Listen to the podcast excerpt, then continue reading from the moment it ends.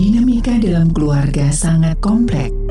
Kematian, adiksi, keuangan, penyakit mental, perceraian, masalah pendidikan, masalah wanita dan peran ayah, gaya hidup, atau masalah yang timbul ketika terjadi transisi. Semuanya adalah masalah yang dapat menghinggapi keluarga. Berbagai masalah ini mungkin tak terselesaikan dengan baik hal ini akan berujung pada perselisihan, ketegangan, hingga kebencian antar anggota keluarga. Konflik keluarga dapat merusak masing-masing individu di dalamnya. Bersama narasumber yang berkompeten di bidangnya, akan mengasah keterampilan dalam menyelesaikan masalah secara efektif dalam pelangi kasih. 92,5 Maestro FM House with the Sound. Shalom dan Sobat Maestro apa kabar Anda? Doa dan harapan kami Anda tetap sehat dan tetap menikmati segala kebaikan Tuhan ya.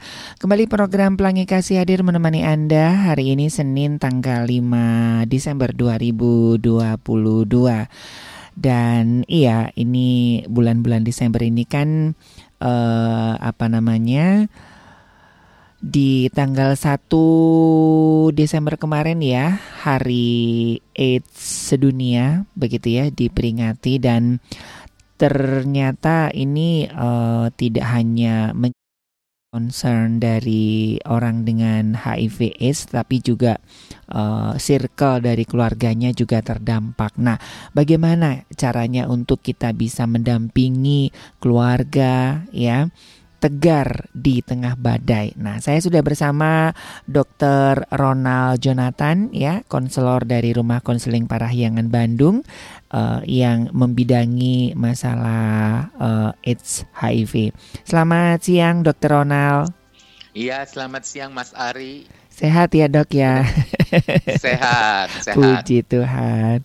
Oke, iya. iya dok. Saya membaca di beberapa jurnal bahwa keluarga adalah obat yang paling manjur bagi orang dengan HIV/AIDS ini dok. Apakah seperti betul itu? sekali Mas Ari, betul betul sekali ya mm -hmm. bahwa memang uh, orang itu butuh dukungan ya orang hmm. dengan HIV itu butuh dukungan jadi bukannya dikucilkan tetapi dirangkul begitu ibu hmm. bapak sekalian. Hmm. Hmm. Oke, jadi benar ya kata-kata uh, apa namanya para dokter dan para medis bahwa keluarga adalah obat utama bagi penderita AIDS HIV ya dok ya. Betul. Tapi kan betul. kan ini tidak mudah dok. nah, sebetulnya kayaknya kita mesti ngulang lagi deh Mas Ari ya, mm -hmm. bener ya. Uh, soalnya setiap kali uh, hari AIDS, AIDS uh, betul. 1 Desember biasanya orang sudah lupa begitu, mm -hmm. apalagi kalau tidak berkaitan langsung, betul kan? Betul, betul, betul, betul. Betul. Jadi kayaknya ada baiknya deh kita ulang dulu sebentar ya. Mm -hmm, mm -hmm. Apa itu HIV? Nah. Apa itu AIDS? Nah, ya. betul, ya, betul. Bagaimana penularannya dan bagaimana tidak menularkan. Betul, Jadi betul. orang nggak paranoid ya betul. nggak parno katanya. Betul. Nggak parno gitu. dan nggak nggak salah informasi ya dok ya. Ada yang bilang betul. uh, apa namanya uh, ya HIV sama AIDS itu mah sama aja gitu kan. Nah seperti hmm. apa ini dok? Supaya uh, duduk masalahnya ini semakin clear gitu dok. Oke saya jelaskan dulu ya. HIV adalah human immunodeficiency virus. Mm -hmm itu adalah virus yang menyerang sistem kekebalan tubuh. Mm-hmm. Nah, uh, virus itu kecil banget ya kalau yeah, di lab yeah. ya nggak kelihatan. Dia harus diperiksa dengan mikroskop elektron itu biasa hanya untuk penelitian mm-hmm. gitu. Mm-hmm. Nah, si virus HIV itu menyerang sel darah putih begitu. Sel darah putihnya sel darah putih yang mana? Biasanya ibu-ibu dan bapak-bapak pasti pernah check up kan ya. Mm-hmm, betul. Biasa kan di check up tuh kan Mas Ari ada tuh ya leukosit. Nah, itu sel oh, darah putih. Leukosit itu sel darah putih ya, bukan bukan sel darah merah ya. Kalau sel darah merah itu apa, Dok? Hemo. Eritrosit. Oh, nah itu jangan salah ya sobat maestro ya. Oke. Okay. Jadi kita kita lihat nih ya, mm-hmm. uh, selnya adalah leukosit. Nah, leukosit. apakah semua leukosit diserang sama si HIV? Mm-hmm. Enggak. Oh. Biasanya kan kalau diperiksa suka ada ya uh, yang namanya netrofil, hmm. basofil, kemudian ada monosit. Nah, yang diserang sama si HIV itu adalah sel limfosit. Oh. Limfosit. Nah, limfosit juga ada kekhususannya lagi, mm-hmm. yaitu limfosit dengan uh, uh, yang ditandai dengan istilah CD4 atau CD4 begitu. Oh, Oke. Okay. Iya, iya, iya. Jadi itu ya memang di diserang ya. Betul, kalau ya, perang ya. ya si HIV itu jenius banget karena yang mm -hmm. diserang itu jenderalnya begitu. Oh. Ya. Yang diserang jenderalnya. Jadi CD4 itu adalah jenderal. Kebayangkan kalau perang ya jenderalnya mm -hmm. diserang sampai mati, kebayangkan berantakannya kayak betul, apa. Betul, nah, demikian betul. juga nih si HIV itu nyerang si jenderalnya. Hmm. Kalau si jenderalnya kena, akibatnya adalah daya tahan tubuh turun. Oke. Okay. Nah, sesudah daya tahan turun, maka kita mudah terkena penyakit yang lain atau kita bilang uh, penyakit penyerta lain penyerta. atau bahasa kerennya mm -hmm. itu infeksi opportunistik. Hmm. Ingat ya opportunis itu kan uh, kalau kalau bentar lagi pemilu tuh biasanya yeah. suka ada tuh ya betul. Yang nanti partainya A pindah ke B, B ke C, C ke D. Ya, pokoknya gue dapet untung. Nah kuman juga sama kelakuannya sama orang gitu. Oh. Jadi cari cari apa ya uh, yang lebih menguntungkan buat dia berkembang biak gitu dok? Betul. Jadi ya oh. pokoknya uh, intinya sih bagaimana dia bisa uh, mem, uh, bisa menguasai orang mm -hmm, gitu. Dia mm -hmm, bisa mm-hmm, dapat mm -hmm, makanan. Mm -hmm, betul. Nah, penyakit penyerta yang paling sering itu salah satunya adalah TBC. Oke. Okay. Ya, tuberkulosis. Biasa orang taunya kalau TBC, ah itu mah kena paru. Mm -hmm, mm -hmm. Pendengar sekalian kita belajar ya TBC tidak hanya menyerang paru, iya. bisa yeah. juga menyerang luar paru. Contohnya apa coba? Bisa kena ke selaput otak ya, wow. yang kita kenal dengan istilah meningitis. meningitis. Orangnya bisa hmm. sampai kejang-kejang begitu. Iya, ya. sampai koma Kemudian, gitu ya.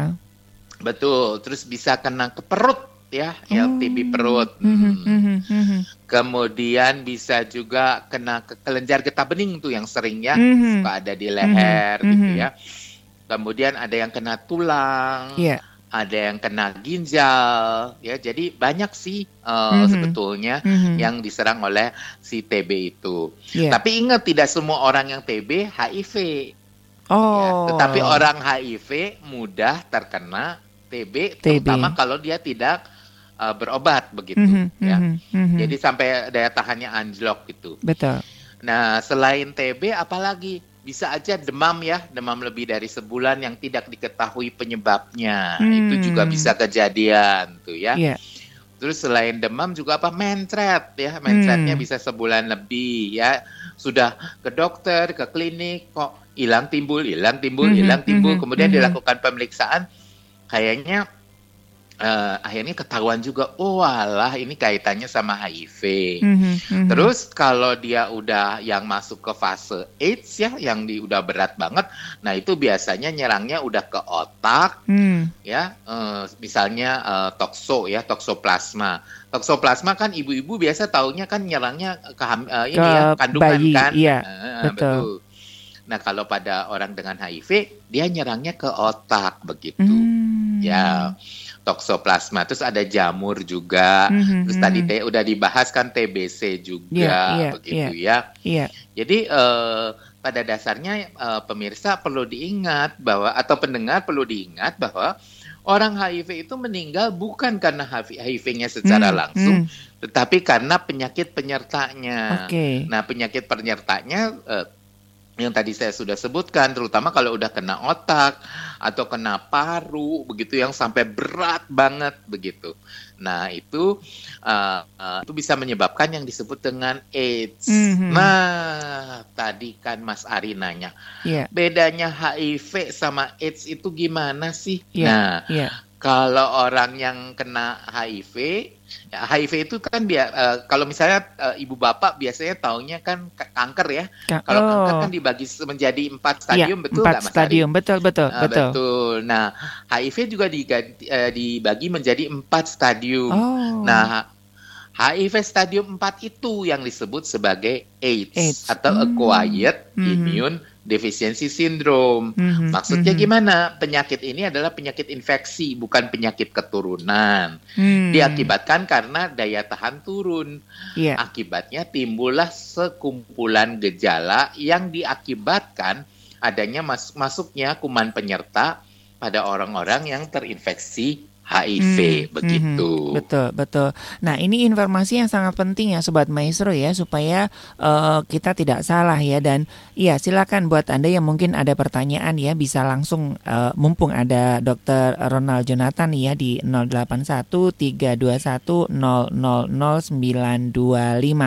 Dan ini juga uh, kemarin juga saya mengikuti uh, apa ya perbincangan dari Ikatan Dokter Indonesia dan sama seperti yang Dokter hmm. Ronald bahwa HIV itu tidak pernah membunuh begitu ya dok ya. Yang membunuh itu adalah penyakit penyertanya itu ya dok ya. Betul betul. Oke okay, oke. Okay. Eh, nah mungkin juga orang perlu tahu uh, HIV itu ada di cairan tubuh yang mana sih? Hmm. Apakah di ludah juga hmm. ada atau enggak? Nah ini kita betul. perlu ulang lagi betul, Mas betul, Arya. Betul betul. Jadi HIV itu ada di ada di darah, mm-hmm. cairan sperma, mm-hmm. cairan vagina, mm-hmm. dan air susu ibu. Ya. Oke. Okay. Jadi uh, jadi dari situ kita tahu penularannya kan ya. Yeah. Kalau dari darah berarti menggunakan uh, jarum, jarum suntik, suntik yang terinfeksi uh, orang dengan HIV ya biasanya ini pada pengguna narkoba suntik mm-hmm. yang mm-hmm. menggunakan satu jarum suntik rame-rame begitu. Hmm, iya. Yeah. Jadi kalau satu HIV ya gampang ketularnya. Betul. Kemudian yang kedua kalau kita bicara ada cairan sperma dan cairan vagina, ingat cairannya ya. Sperma dan sel telurnya sih aman, yang masalah itu cairannya. Oh. Nah kalau ada cairan sperma dan cairan vagina, berarti uh, terinfeksinya kenapa? Karena berhubungan seks hmm. dengan orang yang HIV, HIV. gitu. Mm-hmm. Mm-hmm. Betul. Iya. Yeah. Oke. Okay. Kemudian yang ketiga adalah dari ibu yang HIV positif ke bayinya. Mm-hmm. Itu ini semua terjadi kalau tidak dilakukan tindakan. Tindakan, begitu. ya pengobatan. Oke. Okay. Jadi di luar tiga hal tadi penularan HIV ini nggak nggak nggak di, bisa dikatakan tidak mungkin ya dok ya lewat keringat, lewat uh, ciuman, lewat uh, apa lagi itu uh, dengan ganti um, alat makan, pakaian Betul. sekalipun gitu ya dok ya. Betul, betul sekali Mas Ari. Jadi HIV tidak menular lewat misalnya lewat ciuman ya darah uh, ludah itu butuh kira-kira satu galon satu galon ada yang bilang ya 19 ya, liter kalah onta ya kebayang ada baunya kayak apa gitu ya mm-hmm, mm-hmm. kemudian juga uh, air mata tidak menular oh. dahak tidak menular mm. ya. mm. feses atau kotoran itu mm. tidak menular mm. urine juga tidak menular keringat juga tidak menular. Nah, itu. Soalnya kemudian iya. gigit gigitan nyamuk tuh yang sering ditanya. Nah, gigitan betul. nyamuk. Puji Tuhan tidak bisa menularkan HIV begitu. Kok bisa, Dok? Kan sama-sama darah, Dok. Nyamuk betul, ngambil darah. tapi kan uh, sama aja ya. Kayak ikan kan butuh hidupnya kan di air ya. oh. ya. Nah, HIV juga butuh habitatnya atau hmm. tempat tinggalnya. Nah, dia hanya bisa tinggal ya di di tubuh manu, di darah manusia di darah manu begitu. Oh, oke, okay, oke. Okay. Iya, iya.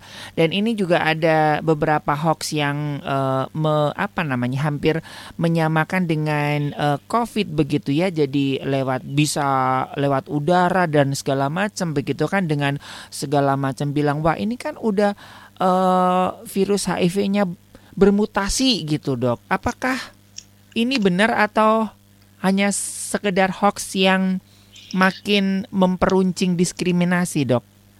Betul, itu hoax ya. Hoax Jadi ya. Uh, kalau misalnya saya HIV positif teman saya pinjem uh, apa uh, eh, HP saya ya dia nggak akan ketularan. Hmm. Kan beda ya kalau misalnya COVID kan orang langsung yeah. wah pakai antiseptik ya disemprot semprot yeah, kiri yeah. kanan ya mm-hmm, terus mm-hmm. meja gitu digosok-gosok. Kalau di HIV enggak. Kalau soal menular ya COVID jauh lebih jauh menular lebih. dibandingkan mm-hmm, HIV. Mm-hmm, mm-hmm.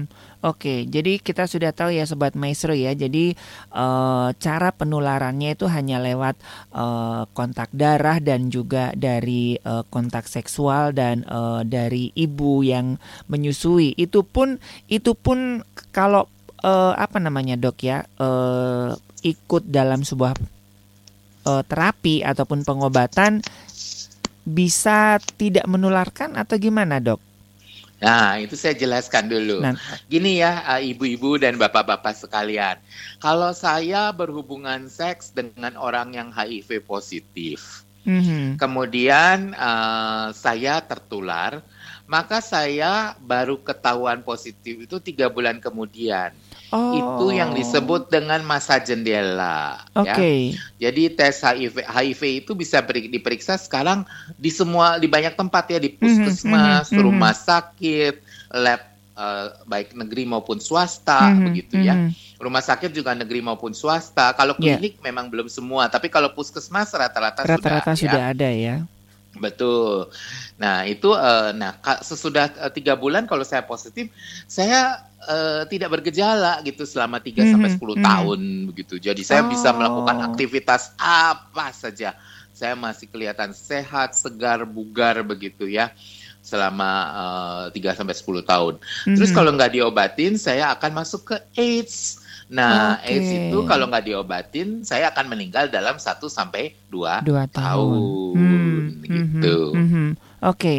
jadi uh, ada waktu tiga bulan untuk ini ya. Kalau misalkan sobat maestro uh, dengan hubungan uh, beresiko atau mungkin juga, nah ini yang kadang-kadang kurang aware ya suami istri gitu kan. Dah sama suami kok ini kan kebanyakan begitu ya. Hmm. Dah saya mah ibu rumah tangga baik-baik begitu begitu uh, suaminya meninggal, eh dapat warisan itu dan itu sebaiknya gimana sih dok untuk pengecekan HIV ini sebaiknya gimana sih dok?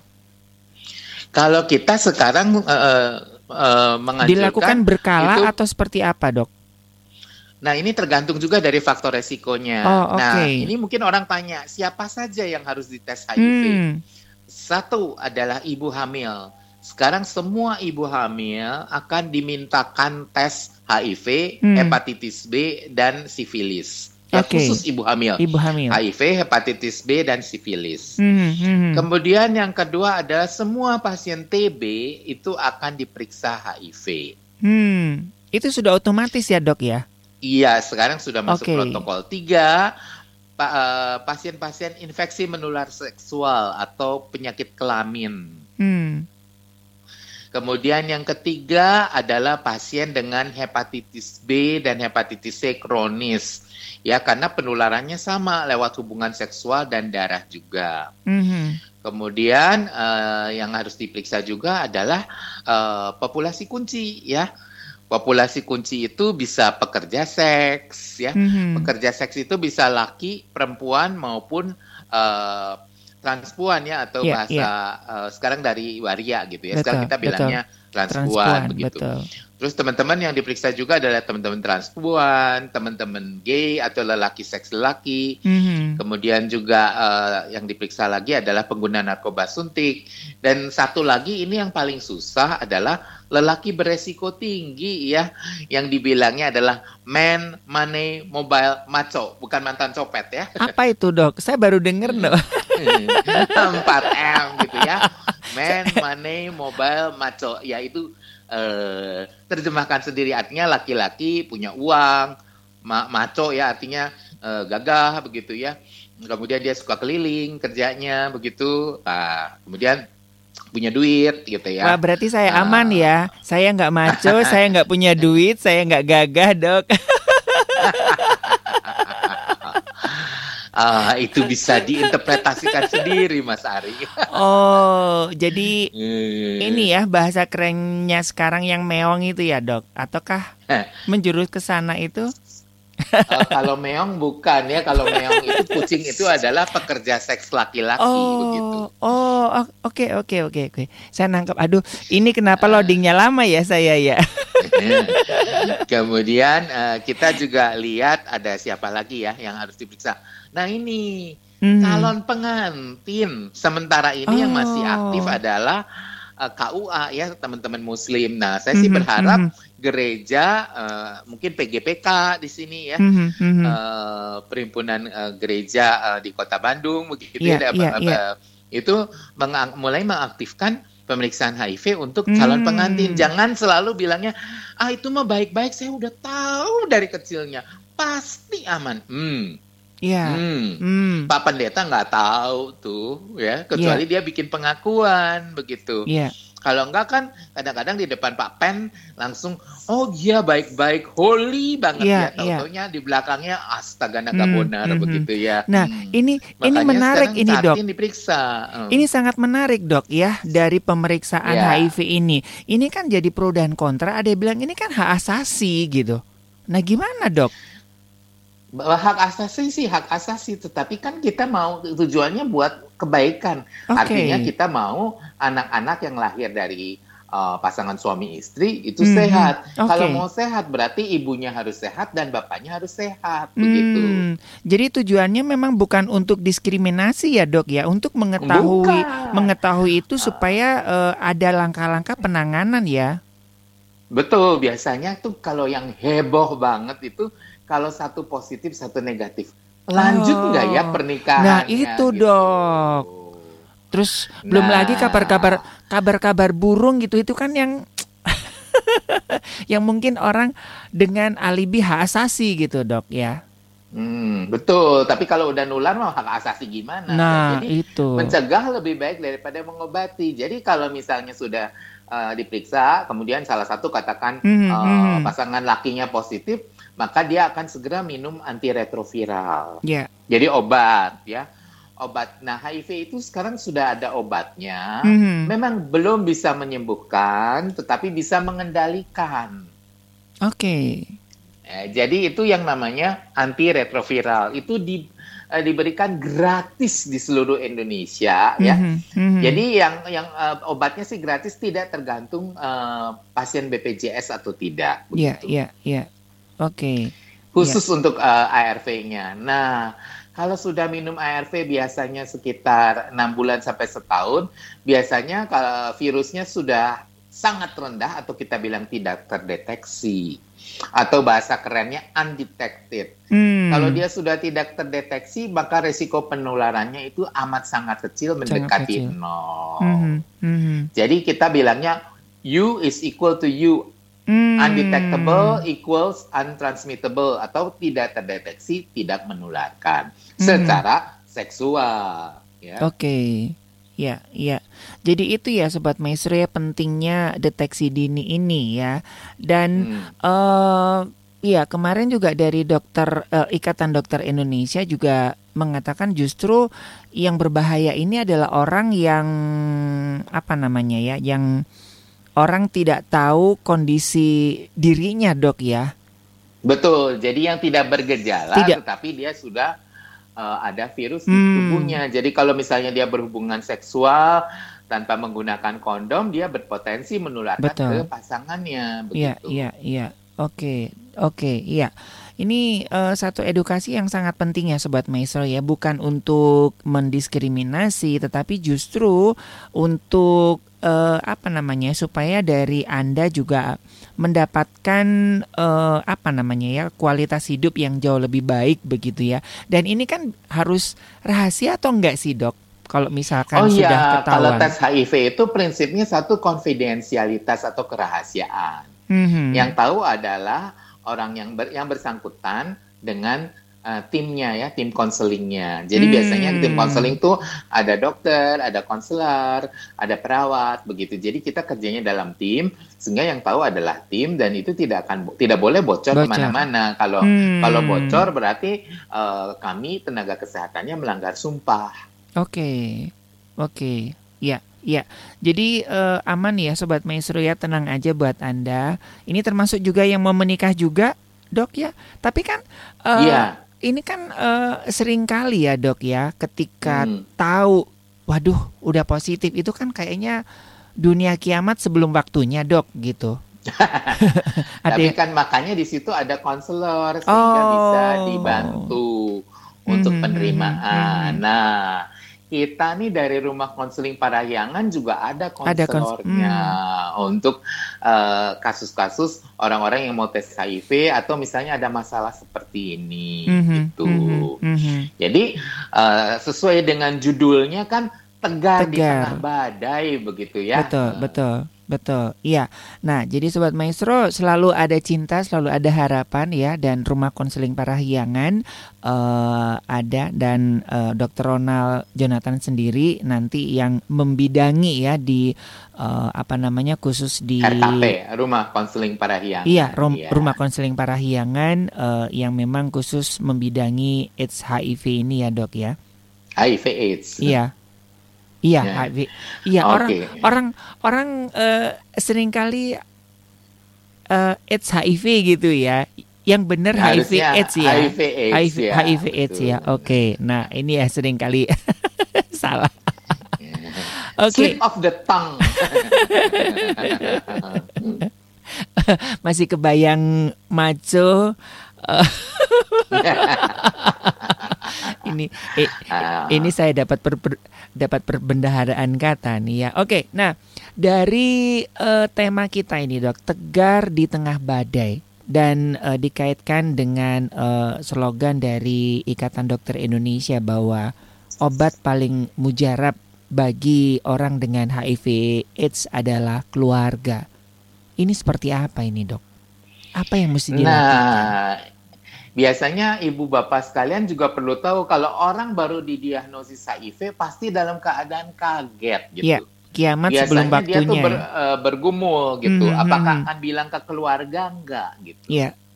Karena takutnya kan ditolak. Soalnya mm -hmm. ini juga ada beberapa kasus ya yeah. yang keluarganya nggak bisa terima malah diusir. Apalagi masih ke, uh, misalnya masih anak remaja kan mhm, kasihan mm -hmm. begitu mm -hmm. ya. Mm -hmm. uh, ini uh, perlu dipikirkan. Nah, sekarang uh, katakan uh, yang bersangkutan sudah mau terbuka kepada keluarga. Yeah. Bagaimana yeah. keluarga itu bersikap? Pertama adalah penerimaan. Itu penting sekali ya. Jangan mm. belum apa-apa. Kenapa bisa kena? Mm, mm. Berarti kamu nggak benar ya? Iya, yeah, iya. Yeah. Oh kamu ngesek tanpa kondom ya? Oh kamu ngesek sama oh, kamu suka jajan ya? Oh jajan combro kali ya gitu ya. kamu suka jajan ya? Oh ya artinya uh, berhubungan seks uh, dengan uh, berganti-ganti pasangan ya. Mm-hmm. Kamu mm-hmm. kadang-kadang udah kasar lagi ya. Oh kamu homo pasti ya kalau yang mhm, laki-laki mm-hmm. kan. Mm-hmm. Nah terus atau kalau kalau penggunaan narkoba suntik biasanya rada ketahuan sih gitu ya. Mm-hmm. Tapi kalau kalau yang lewat jalur seksual, wah udah di, diceramain yeah, dulu. Betul. Ingat ya itu dosa ya. Tuhan hmm. akan menghukum kamu. Nah, nah, nah, nah, nah, nah, nah, nah, nah. prit. Yeah, Jangan yeah. langsung ya, langsung berceracau gitu ya langsung memang sih saya ngerti sebagai orang tua apalagi yang namanya ibu-ibu kalau dapat berita kayak gitu rasanya tuh yeah. pengen merepet gitu ya yeah, yeah. belajar nahan diri ya walaupun shock gitu mm-hmm, mm-hmm. Hmm. dengerin dulu anaknya begitu nggak usah dikejar dari mana dapatnya ya yang penting nanti pelan-pelan ngomong dari hati ke hati nah um, mama dan papa memang tahu uh, uh, bahwa kamu kena ya uh, silahkan cerita nak gimana perasaanmu gitu ya. hmm, pelan-pelan nggak usah hmm, tanya hmm, dulu dari mana dapatnya. Biasanya sih mereka udah tahu. Terus yang kedua jangan belum apa-apa udah diberondong dengan ayat orang tuh lagi sakit kepala gitu. yeah. Yang dibutuhkan adalah orang yang mau mendengarkan gitu kan Mhm, ya. mhm. Jadi eh, sabar-sabar ya dengerin dulu deh maunya gimana nih anak-anaknya ini. Karena mereka juga pasti shock ya. Iya, Karena kan kita tidak bisa menutup mata bahwa image HIV di masyarakat betul. eh, masih ada eh, stigma dan diskriminasi. Artinya ada cap buruk, dijauhkan, Mhm, belum mhm, lagi dengan mhm. hoax yang tadi ya, "Ih, Iya, jangan salaman nanti kena. Eh, iya, itu kan betul. Eh, itu kan hoax banget gitu. Mhm, mhm. Nah, sekarang kita me- melihat gitu gimana nih supaya supaya supaya bisa diterima dengan baik begitu ya. Kalau nanti mau bicara soal perilakunya pelan-pelan lah begitu Mhm. ya. Tapi sekarang terima dulu. Oke, Nak, ya mama mama dan papa uh, memang kaget dan kami kecewa, tetapi Iya. kami ini uh, orang tuamu, jadi kami akan tetap support ya nak ya. Jadi ki- kita uh, bicara aja apa ada, uh, terbuka begitu. Mhm. Udah kalau udah Mhm. gitu. Terus nggak usah setiap hari itu di ditanyain terus ya, diteror gitu ya, seolah-olah dalam tanda kutip, wah dikejar-kejar, Iya, dikejar-kejar, iya. kejar. ngaku, ngaku, ngaku, ngaku, dari mana, dari mana, dari mana, dari mana. Ah, Hmm. Itu stres banget gitu ya. Iya, iya. Iya. Ini ada eh, ada beberapa teman yang yang eh, sharing sebetulnya ya. Eh, Iya. dia sebetulnya kepingin ngomong dengan orang tuanya, cuman sampai sekarang dia nggak berani ngomong gitu. Ya karena anaknya eh, dia kan ada sakit apa sih eh, TB gitu kan bilang langsung Hmm. aja lu AIDS ya, lu HIV ya, lu gini-gini. Aduh anaknya jadi sudah sudah syok duluan gitu dok. Dan sampai sekarang nggak berani ngomong Hmm. ke orang tuanya gitu. Nah, kalau kayak gitu bisa minta tolong konselor atau dokter terlatih Hmm. untuk meng- eh, jadi terbukanya di depan dokter dan konselor. Jadi kita akan jelaskan. Oke, oke. Gitu. Ya. Lihat-lihat aja dulu ya. Kita juga tahu bahwa tidak semua rumah tangga ideal ya. Ya. Kalau misalnya mi- eh, Anda lahir di keluarga yang suka melakukan KDRT ya memang ditahan dulu lah begitu. Mhm, mhm, mhm. yang suka melakukan kekerasan dalam rumah tangga ya sementara eh, ditahan dulu mungkin cari komunitas yang bisa mau mendengarkan dan Anda dalam posisi aman. Hmm. Tapi kalau tahu ada orang tuanya yang mau menerima eh, nah itu eh, atau eh, kita kan bisa lihat dinamika keluarga ya. Ini betul. kalau ada betul. persoalan biasanya heboh nggak sih atau eh, udah langsung marah atau masih mau dengerin gitu loh. Mhm, Ya, ya mhm. tidak bisa dihindari lah merepet mah gitu. Itu mah semua juga kan kaget. Iya, Tapi iya. sudahnya apakah merepet terus atau bisa pelan-pelan mendengarkan begitu? Mhm. Nah, ini apakah ada perbedaan dok eh, ketika ingin terbuka ya dari antara yang anak dan orang tua nih? Kan ini kan ada dua dua dua dua generasi yang berbeda ya. Kalau misalkan Hmm. ada yang ada yang suami istri, ada yang anak gitu dok. Itu gimana dok? Hmm. Kalau anak dengan orang tua itu eh, beda generasi, memang kalau kesulitan biasanya nanti konselornya akan tu- membantu gitu. Mhm, mhm, Konselor itu bisa dokter, bisa perawat, bisa konselor begitu ya. mhm. Eh, nah itu bisa bisa bisa menolong. Iya. Tapi eh, yang eh, beda dengan suami istri begitu ya. Nah Hmm. kalau eh, istri terima suami yang positif itu lebih mudah daripada suami terima istri yang positif. positif. itu saya harus bilang. Oh, Iya, ini kemarin ada teman yang eh, curhat begitu ya, dia tiba-tiba diceraikan gitu sama suaminya gitu dok, Hmm, hmm. diceraikan dengan suaminya dan eh, setelah ketahuan setelah cerai eh, ternyata istrinya positif begitu. Hmm. Oh, ternyata apa namanya saya diceraikan gara-gara saya positif begitu. Nah dia bingung dia positifnya dari mana? Nggak mungkin dong dari orang lain gitu. Sementara su- Hmm. suaminya tetap kekeh dia bersih gitu. Ya berarti kan harus dilakukan pemeriksaan begitu Mhm, kan suaminya. mhm, Iya Ya kalau mau fair ya harus diperiksa juga gitu. Dan betul. nggak betul. bisa katanya-katanya harus ada bukti Hmm, begitu. mhm, mhm. Betul betul. Dan dari sepengetah eh, sepengalaman Dokter Ronald Jonathan dari eh, yang yang positif laki-laki atau wanita lebih rentan yang mana nih dok dan lebih mudah me- membangkitkan semangat yang mana ini dok? Yang lebih rentan itu untuk uh, mengalami kekerasan tuh yang perempuan. Yang perempuan ya. Hmm. Nah, kalau yang laki-laki biasanya kalau suaminya positif istrinya uh, lebih bisa terima. Tapi kalau hmm, uh, istrinya hmm, yang hmm. positif suaminya negatif itu kadang-kadang agak susah. Walaupun sekarang agak lumayan ya, udah banyak juga yang bisa terima begitu. Oke. Okay, okay. Terus saya perlu jelaskan juga. Jadi kalau suami istri kena, belum tentu yang uh, kasusnya lebih berat ya itu yang menjadi sumber penularan. Itu yang sering jadi masalah keributan, Mas Ari. Hmm. Hmm. Jadi kayak kemarin tuh ada ada ada klien gitu istrinya sudah uh, AIDS gitu ya, uh, udah CD4-nya udah tiga begitu. Wow. Ya, ya. Kecil suaminya itu ya. Ma ma masih masih masih bagus gitu CD4-nya.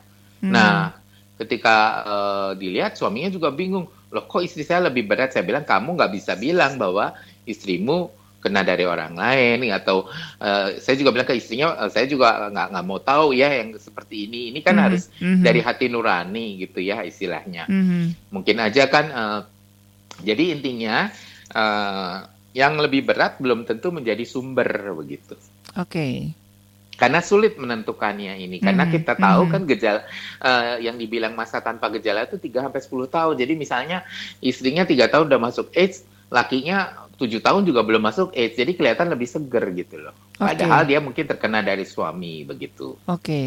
nah ini kemarin juga ada yang nanya nih dok uh, mengenai CD4 ini dok. Apakah hmm. uh, orang dengan CD4 yang sangat kecil itu sudah pasti AIDS atau ada penyakit lain yang memang uh, CD4-nya memang uh, turun gitu dok?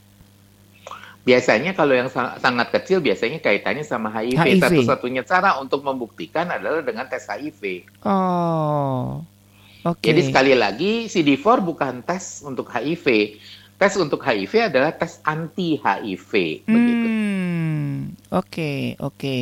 Jadi uh, jangan ini ya sobat maestro ya, soalnya ada ada orang yang bilang uh, lagi cek CD4 oh HIV ya gitu loh jadi kan supaya nggak hmm. rancu dalam dunia medis gitu ya dok ya jadi betul, orang betul. orang yang yang cek CD4 belum tentu untuk HIV ya dok ya atau seperti apa dok? Uh, 90% memang berkaitan sama HIV kita harus hmm. jujur katakan. Hmm. Tetapi untuk menegakkan seseorang itu HIV atau tidak ya harus pemeriksaannya anti HIV anti bukan CD4. Oh oke. Okay. Eh, kadang-kadang ada pihak-pihak tertentu yang udah cek dulu CD4 kalau CD4-nya rendah baru tes HIV nggak eh berarti dulu kan oh. bisa aja kalau dia di fase tan tanpa gejala. Nah, CD4-nya masih normal uh, tapi dia sudah HIV positif dan berpotensi menularkan kepada pasangan begitu. Hmm, oke, okay, oke. Okay. Ya, ini uh, informasi yang sangat penting ya sobat maestro ya. Jadi ya untuk pemeriksaannya ya buat uh, seperti uh, tadi ya dokter Ronald sampaikan buat Anda yang mungkin orang-orang uh, yang beresiko ataupun sudah dalam arti sudah melakukan sebuah kegiatan yang beresiko. Itu tiga bulan ya dok ya? Itu harus di, harus di harus berkala lagi nggak dok? Kalau memang uh, masuknya dalam kelompok beresiko ya yang dimaksud dengan populasi kunci entah itu pengguna narkoba suntik, pekerja seks begitu, suka ganti-ganti pasangan, lelaki beresiko tinggi, teman-teman gay, teman-teman waria, yaitu sebaiknya tes setiap enam bulan. Hmm. Tesnya HIV dan IMS, infeksi menular oh. seksual ya, penyakit okay. kelamin. Oke, okay. oke. Okay. Jadi kalau yang nggak berisiko ya udah sekali ya, ya misalkan Anda ibu rumah tangga ataupun bapak-bapak yang baik ya. Jadi kalau dites negatif ya udah jangan jangan parno gitu ya dok ya? Betul itu sangat menyebalkan ini. DM saya penuh sekali dengan orang-orang yang udah tes. Dokter saya sudah tes hari ke satu ke empat puluh hari ke eh, dua ratus sekian hari ke empat ratus. Saya bilang ini orang nggak ada kerjaan kali yang ngitungin uh, kalender sampai tahu persis hari ke empat ratus sebelas. Saya bilang gile nih. Oke okay, alamak okay. bikin pusing. Mm -hmm. Ya, jadi artinya kalau sobat maestro tidak melakukan tindakan-tindakan ataupun orang-orang yang beresiko, ya udah cukup sekali ya, kayak Bang Haji Roma Irama ya, cukup sekali ya. Iya. Oke, dan itu valid dok? Uh, valid biasanya. Valid ya. ya? valid. Kalau misalnya ragu, ya berarti memang itu kan kalau kita bicara dengan rapid test. Tapi kadang-kadang mm -hmm. misalnya, oh saya ragu, ya udah Anda pergi ke yang berbayar untuk pemeriksaan ELISA begitu. Oh, oke, okay, oke. Okay. Sekarang kan eh, daripada uh, daripada Anda ngerem ngerecokin saya. Betul. Ini banyak relawan relawan relawan yang mundur karena capek, Dok. hmm. Hmm. Okay. Iya, itu kadang-kadang nggak kira-kira udah dijelasin Hai aja nanya lagi nanya lagi. Ah, oke okay, oke okay. kita balik lagi ya, yeah, ke, yeah. ke ke ke ke tegar menghadapi ya, badai ini. gitu. Mm -hmm, mm -hmm. Jadi kita lihat uh, keluarga tentu juga wajar kalau dia marah mm -hmm, ya. Mm -hmm. Reaksinya mungkin menyangkal nggak mungkin anak saya ini baik-baik yeah, yeah. ya. Sekolah minggu aktif di uh, pemuda bahkan ketua pemuda gitu mm -hmm, ya. Mm -hmm. Padahal ya dia nggak tahu aja ada kegiatan lain dari anaknya di luar aktivitas tersebut begitu. Yeah, yeah. Nah, jadi uh, sementara uh, ya belajar untuk menerima lah ya kalau memang positif ya sudah mau mm -hmm, gimana mm -hmm, gitu mm -hmm. ya kalau karena seseorang itu positif kalau pemeriksaan anti HIV dengan tiga eh, metode yang berbeda itu tiga-tiganya positif. Okay. Jadi kemungkinan keliru itu relatif kecil, kecil. gitu, walaupun ada aja, tapi mm-hmm. relatif kecil karena uh, kalau udah tiga pemeriksaan yang berbeda, ya ingat mm-hmm. berbeda, mm-hmm. itu tiga-tiganya positif, baru kita nyatakan seseorang positif. Mm-hmm. Nah, kemudian dia kan mulai denial ya. Betul, betul. Kemudian yang kedua, orang tua tuh bisa marah ya, marah gitu ya.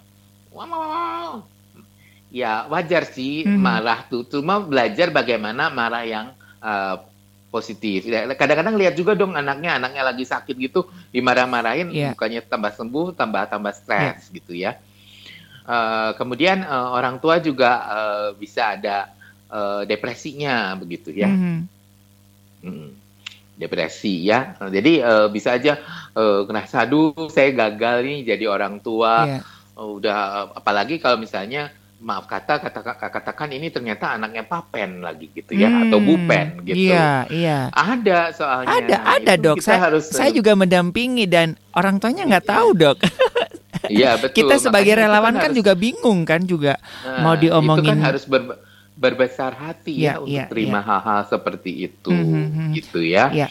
Bahkan uh, di kalangan pelayan-pelayan Tuhan juga ada dok Oh, memang betul begitu. Yeah. Nah, di sini adalah butuh uh, keterbukaan mm -hmm, begitu ya, uh, supaya supaya uh, artinya cobalah di pelan-pelan disingkirkan dulu uh, gengsi dan harga yeah, dirinya yeah. dulu. Gimana pun itu anak kita loh, mm. ya. Uh, jelek atau buruk dia tetap anak kita yes. darah daging yes. kita betul, gitu betul. bahwa kita kecewa sah sah saja kita yeah. marah sah sah saja tapi bagaimana kita marah bagaimana kita mengungkapkan kekecewaan itu yang harus diatur gitu mm. ya mm-hmm. ya mungkin bisa ngomong seperti ini ini memang butuh latihan misalnya papa dan mama memang kecewa lihat uh, bahwa kamu terkena HIV karena uh, perilaku kamu gitu tapi bagaimanapun juga kamu adalah anak kami. Kami akan terima loh hmm. kamu apa adanya. Ayo kita berbarengan uh, bergandengan tangan supaya kamu bisa ditangani dengan lebih baik. Yeah. Gitu. Kalau kamu ada apa-apa, uh, papa dan mama uh, siap untuk siap. mendengarkan hmm. begitu. Hmm, hmm, hmm. Dan itu kan uh, jauh lebih ini ya dok ya, jauh lebih apa ya meningkatkan kualitas hidup dari anak ataupun dari saudara saudara-saudara kita di keluarga itu ya dok ya. Betul, betul, betul. Mm -hmm, mm -hmm. Makanya betul ya dari yang disampaikan Ikatan Dokter Indonesia bahwa uh, support keluarga ini adalah uh, obat utama ya selain ARV dan sebagai macamnya ya penerimaan, betul. dukungan hmm. gitu ya dok ya. Ya masalahnya kadang-kadang HIV-nya oke, okay, tapi ditambah lagi dengan kaitannya ya, terutama kita belak-belakan aja. Mm -hmm, Kalau mm -hmm. misalnya teman kita ini ternyata seorang gay gitu, itu nah, lebih ribet lagi. Larinya ke gitu. moral gitu ya dok ya? Betul, betul, mm -hmm, betul. Oke. Okay. Ya kita tidak menutup mata ada kaitan dengan itu, tetapi bagaimana kita mensikapi dengan arif begitu loh. Hmm. Semua orang pasti pernah buat salah gitu ya kadang-kadang di kekristenan itu juga uh, kadang menggelikan juga ya, bukan menggelikan ironi ya. Dosa tuh kayaknya ada kasta ya, betul kan? Ya, betul, Mas betul, Ari. Betul, betul. Kalau kalau koruptor itu yang bisa ngadain acara Natal yang gebiar gitu istilahnya uh, dianggap oh nggak apa-apa tapi coba dia pekerja seks apalagi pekerja mm -hmm, seks perempuan mm -hmm. uh di, direndahkannya kayak apa begitu mm -hmm, padahal kan sama katanya kan uh, semua orang sama di hadapan Tuhan semua yeah, orang juga yeah, berdosa yeah, yeah, begitu yeah. kan termasuk kita juga. Jadi uh, gimana kita bisa bersikap arif dengan ini gitu loh. Hmm. Artinya jemaat juga harus dididik untuk tidak uh, jangan sampai terlontar uh, kok anak pendeta bisa kena sih? Yeah, yeah, kok anak yeah. hamba Tuhan bisa kena sih? Kok anak majelis bisa kena? Kok uh, aktivis bisa kena? Mm-hmm. Oh, kok uh, song leader bisa kena? Oh, mm-hmm. pemusik kok bisa kena gitu? Iya, yeah, yeah. misalnya. Betul, hmm. betul, betul. Jadi memang ini membutuhkan sebuah apa ya? Ini kayaknya nanti ada segmen sendiri deh dok ya untuk bahas ini kan ini akan mengundang pro dan kontra begitu ya karena uh, kalau tidak salah kemarin itu juga dari apa namanya uh, timnya mungkin dokter Jonathan juga masuk di dalamnya kayaknya ya. Jadi uh, oke okay lah dari uh, lintas agama udah oke okay untuk menerima begitu ya untuk mendukung hmm. ya buat mengurangi stigma. Tetapi ketika dikaitkan dengan itu tadi uh, dari oh dasar sih emang uh, pekerja seks atau mungkin yang dengan orientasi seks yang berbeda gitu kan itu mulai hmm. mulai menutup pintu lagi gitu dok betul jadi jawabnya pantes gitu hmm. nah itu itu uh, kita harus belajar untuk tidak tidak judgmental gitu mm -hmm. ya artinya gimana kita bisa mendampingi orang-orang seperti itu sehingga mereka bisa mengenal kasih Kristus yeah. emang sih yeah. saya harus akui mudah dikatakan tetapi ketika Susah. yang melaksanakan tuh butuh pergumulan mm -hmm. gitu ya mm -hmm. makanya ini butuh sekali uh, makanya kita ini ada para konselor untuk mensupport ibu bapak juga jadi bukan hanya mensupport teman-teman yang ODIF, tetapi juga untuk para caregiver ya, untuk para orang tua, untuk yang atau saudara begitu yang uh, keluarganya ada yang HIV positif. Mm-hmm. Karena saya juga mm-hmm. tahu kalau terutama kalau udah sehat sih uh, artinya udah minum obatnya teratur udah yeah, sehat sih yeah. uh, santai-santai aja. Tapi kalau misalnya dia masih yang sakitan keluar masuk rumah sakit itu kan sangat betul, melelahkan betul, betul. dan butuh yang yang di, perlu dikonseling bukan hanya uh, kliennya ya orang dengan mm-hmm. HIV-nya, tetapi keluarganya, keluarganya juga perlu juga. begitu. Betul, betul. Iya. Wah, ini uh, sesuatu yang sangat indah ya Sobat Maestro ya dan uh, ya keluarga adalah uh, support system ataupun obat yang paling utama. Aduh dok, sebetulnya hmm. saya kepingin ngobrol lama-lama nih ya. Ya, semoga yeah, nanti yeah. bisa sebulan sekali ya dok ya edukasi ini dok. Jangan setahun sekali. Boleh Mas saya saya udah nodong dokter Jonathan loh. Iya iya iya. supaya supaya nggak hanya setahun sekali ya. Oke dok, apa yang bisa dokter Ronald Jonathan sampaikan kepada uh, keluarga dengan kaitannya uh, tegar menghadapi badai bagi saudara saudara-saudara yang dengan uh, HIV AIDS ini dok? Uh, saya mendorong uh, teman-teman karena kita konteksnya ini kan uh, pendengarnya sebagian besar kan Kristiani ya. Yeah, Jadi kita yeah. mencontoh apa yang Tuhan Yesus lakukan ya. Mm-hmm. Artinya jangan lupa kasih ya. Mm-hmm. Ya, ya mungkin kita kenal dengan istilah tough love ya. Ada waktunya kita menegur tapi tetap mm. dengan penuh kasih begitu bukan udah saya nggak mau tahu itu kamu memang anak gak berguna yeah. keluar aja nah itu kan yeah, yang nggak yeah. gitu juga kali ya jadi intinya adalah kasih kasihnya itu adalah kasih yang uh, kasih tough love gitu ya artinya hmm, kita hmm. beru, uh, artinya kita mengasihi sehingga uh, tapi juga sekaligus mendidik, mendidik begitu iya. yang nah yang perlu belajar bukan hanya teman-teman orang dengan HIV-nya tetapi keluarga, keluarga. Hmm. gereja juga perlu belajar bagaimana harus bersikap hmm. begitu hmm. oke okay. iya Oke, terima kasih Dr. Ronald Jonathan sudah memberikan edukasi yang sangat berguna ya bagi uh, keluarga khususnya. Dan uh, semoga ini bisa menjadikan satu spirit ya untuk dan juga semangat untuk uh, bahwa uh, that's okay gitu, nggak nggak nggak apa nah nggak mengerikan mengerikan amat ya dok ya sebetulnya ya dok betul, ya. Betul betul betul oke sekali lagi dokter Ronald Jonathan terima kasih buat hari ini sehat terus dokter Iya Mas Ari juga ya terima kasih. Jangan lupa ya eh, pendengar sekalian kalau Anda mau uh, iya, konsultasi, konsultasi silakan hubungi Rumah Konseling Parahyangan Bandung. Iya. Oke, dan nanti sobat maestro silakan ya buat anda yang mungkin uh, masih uh, apa namanya kepingin konsultasi ataupun juga yang mau menikah atau mungkin ada ABCDF, ada kecurigaan-kecurigaan ya daripada diupload di media sosial ataupun di ngobrolin di komunitas. Nah, datang aja ke rumah konseling Parahyangan Bandung, nanti uh, bisa ketemu dengan Dokter Ronald Jonathan ya, nanti bisa uh, ada ada penanganan yang lebih baik. Baik dari Gerah Maestro, Jalan Kaca Piring 12 Bandung, saya Ari, rekan Junius dan Dr. Ronald Jonathan, konselor dari Rumah Konseling Parahyangan Bandung. Mohon pamit dari program Pelangi Kasih. Kita akan ketemu lagi di program Pelangi Kasih selanjutnya. Selamat siang dan Tuhan memberkati. Anda baru saja mengikuti acara Pelangi Kasih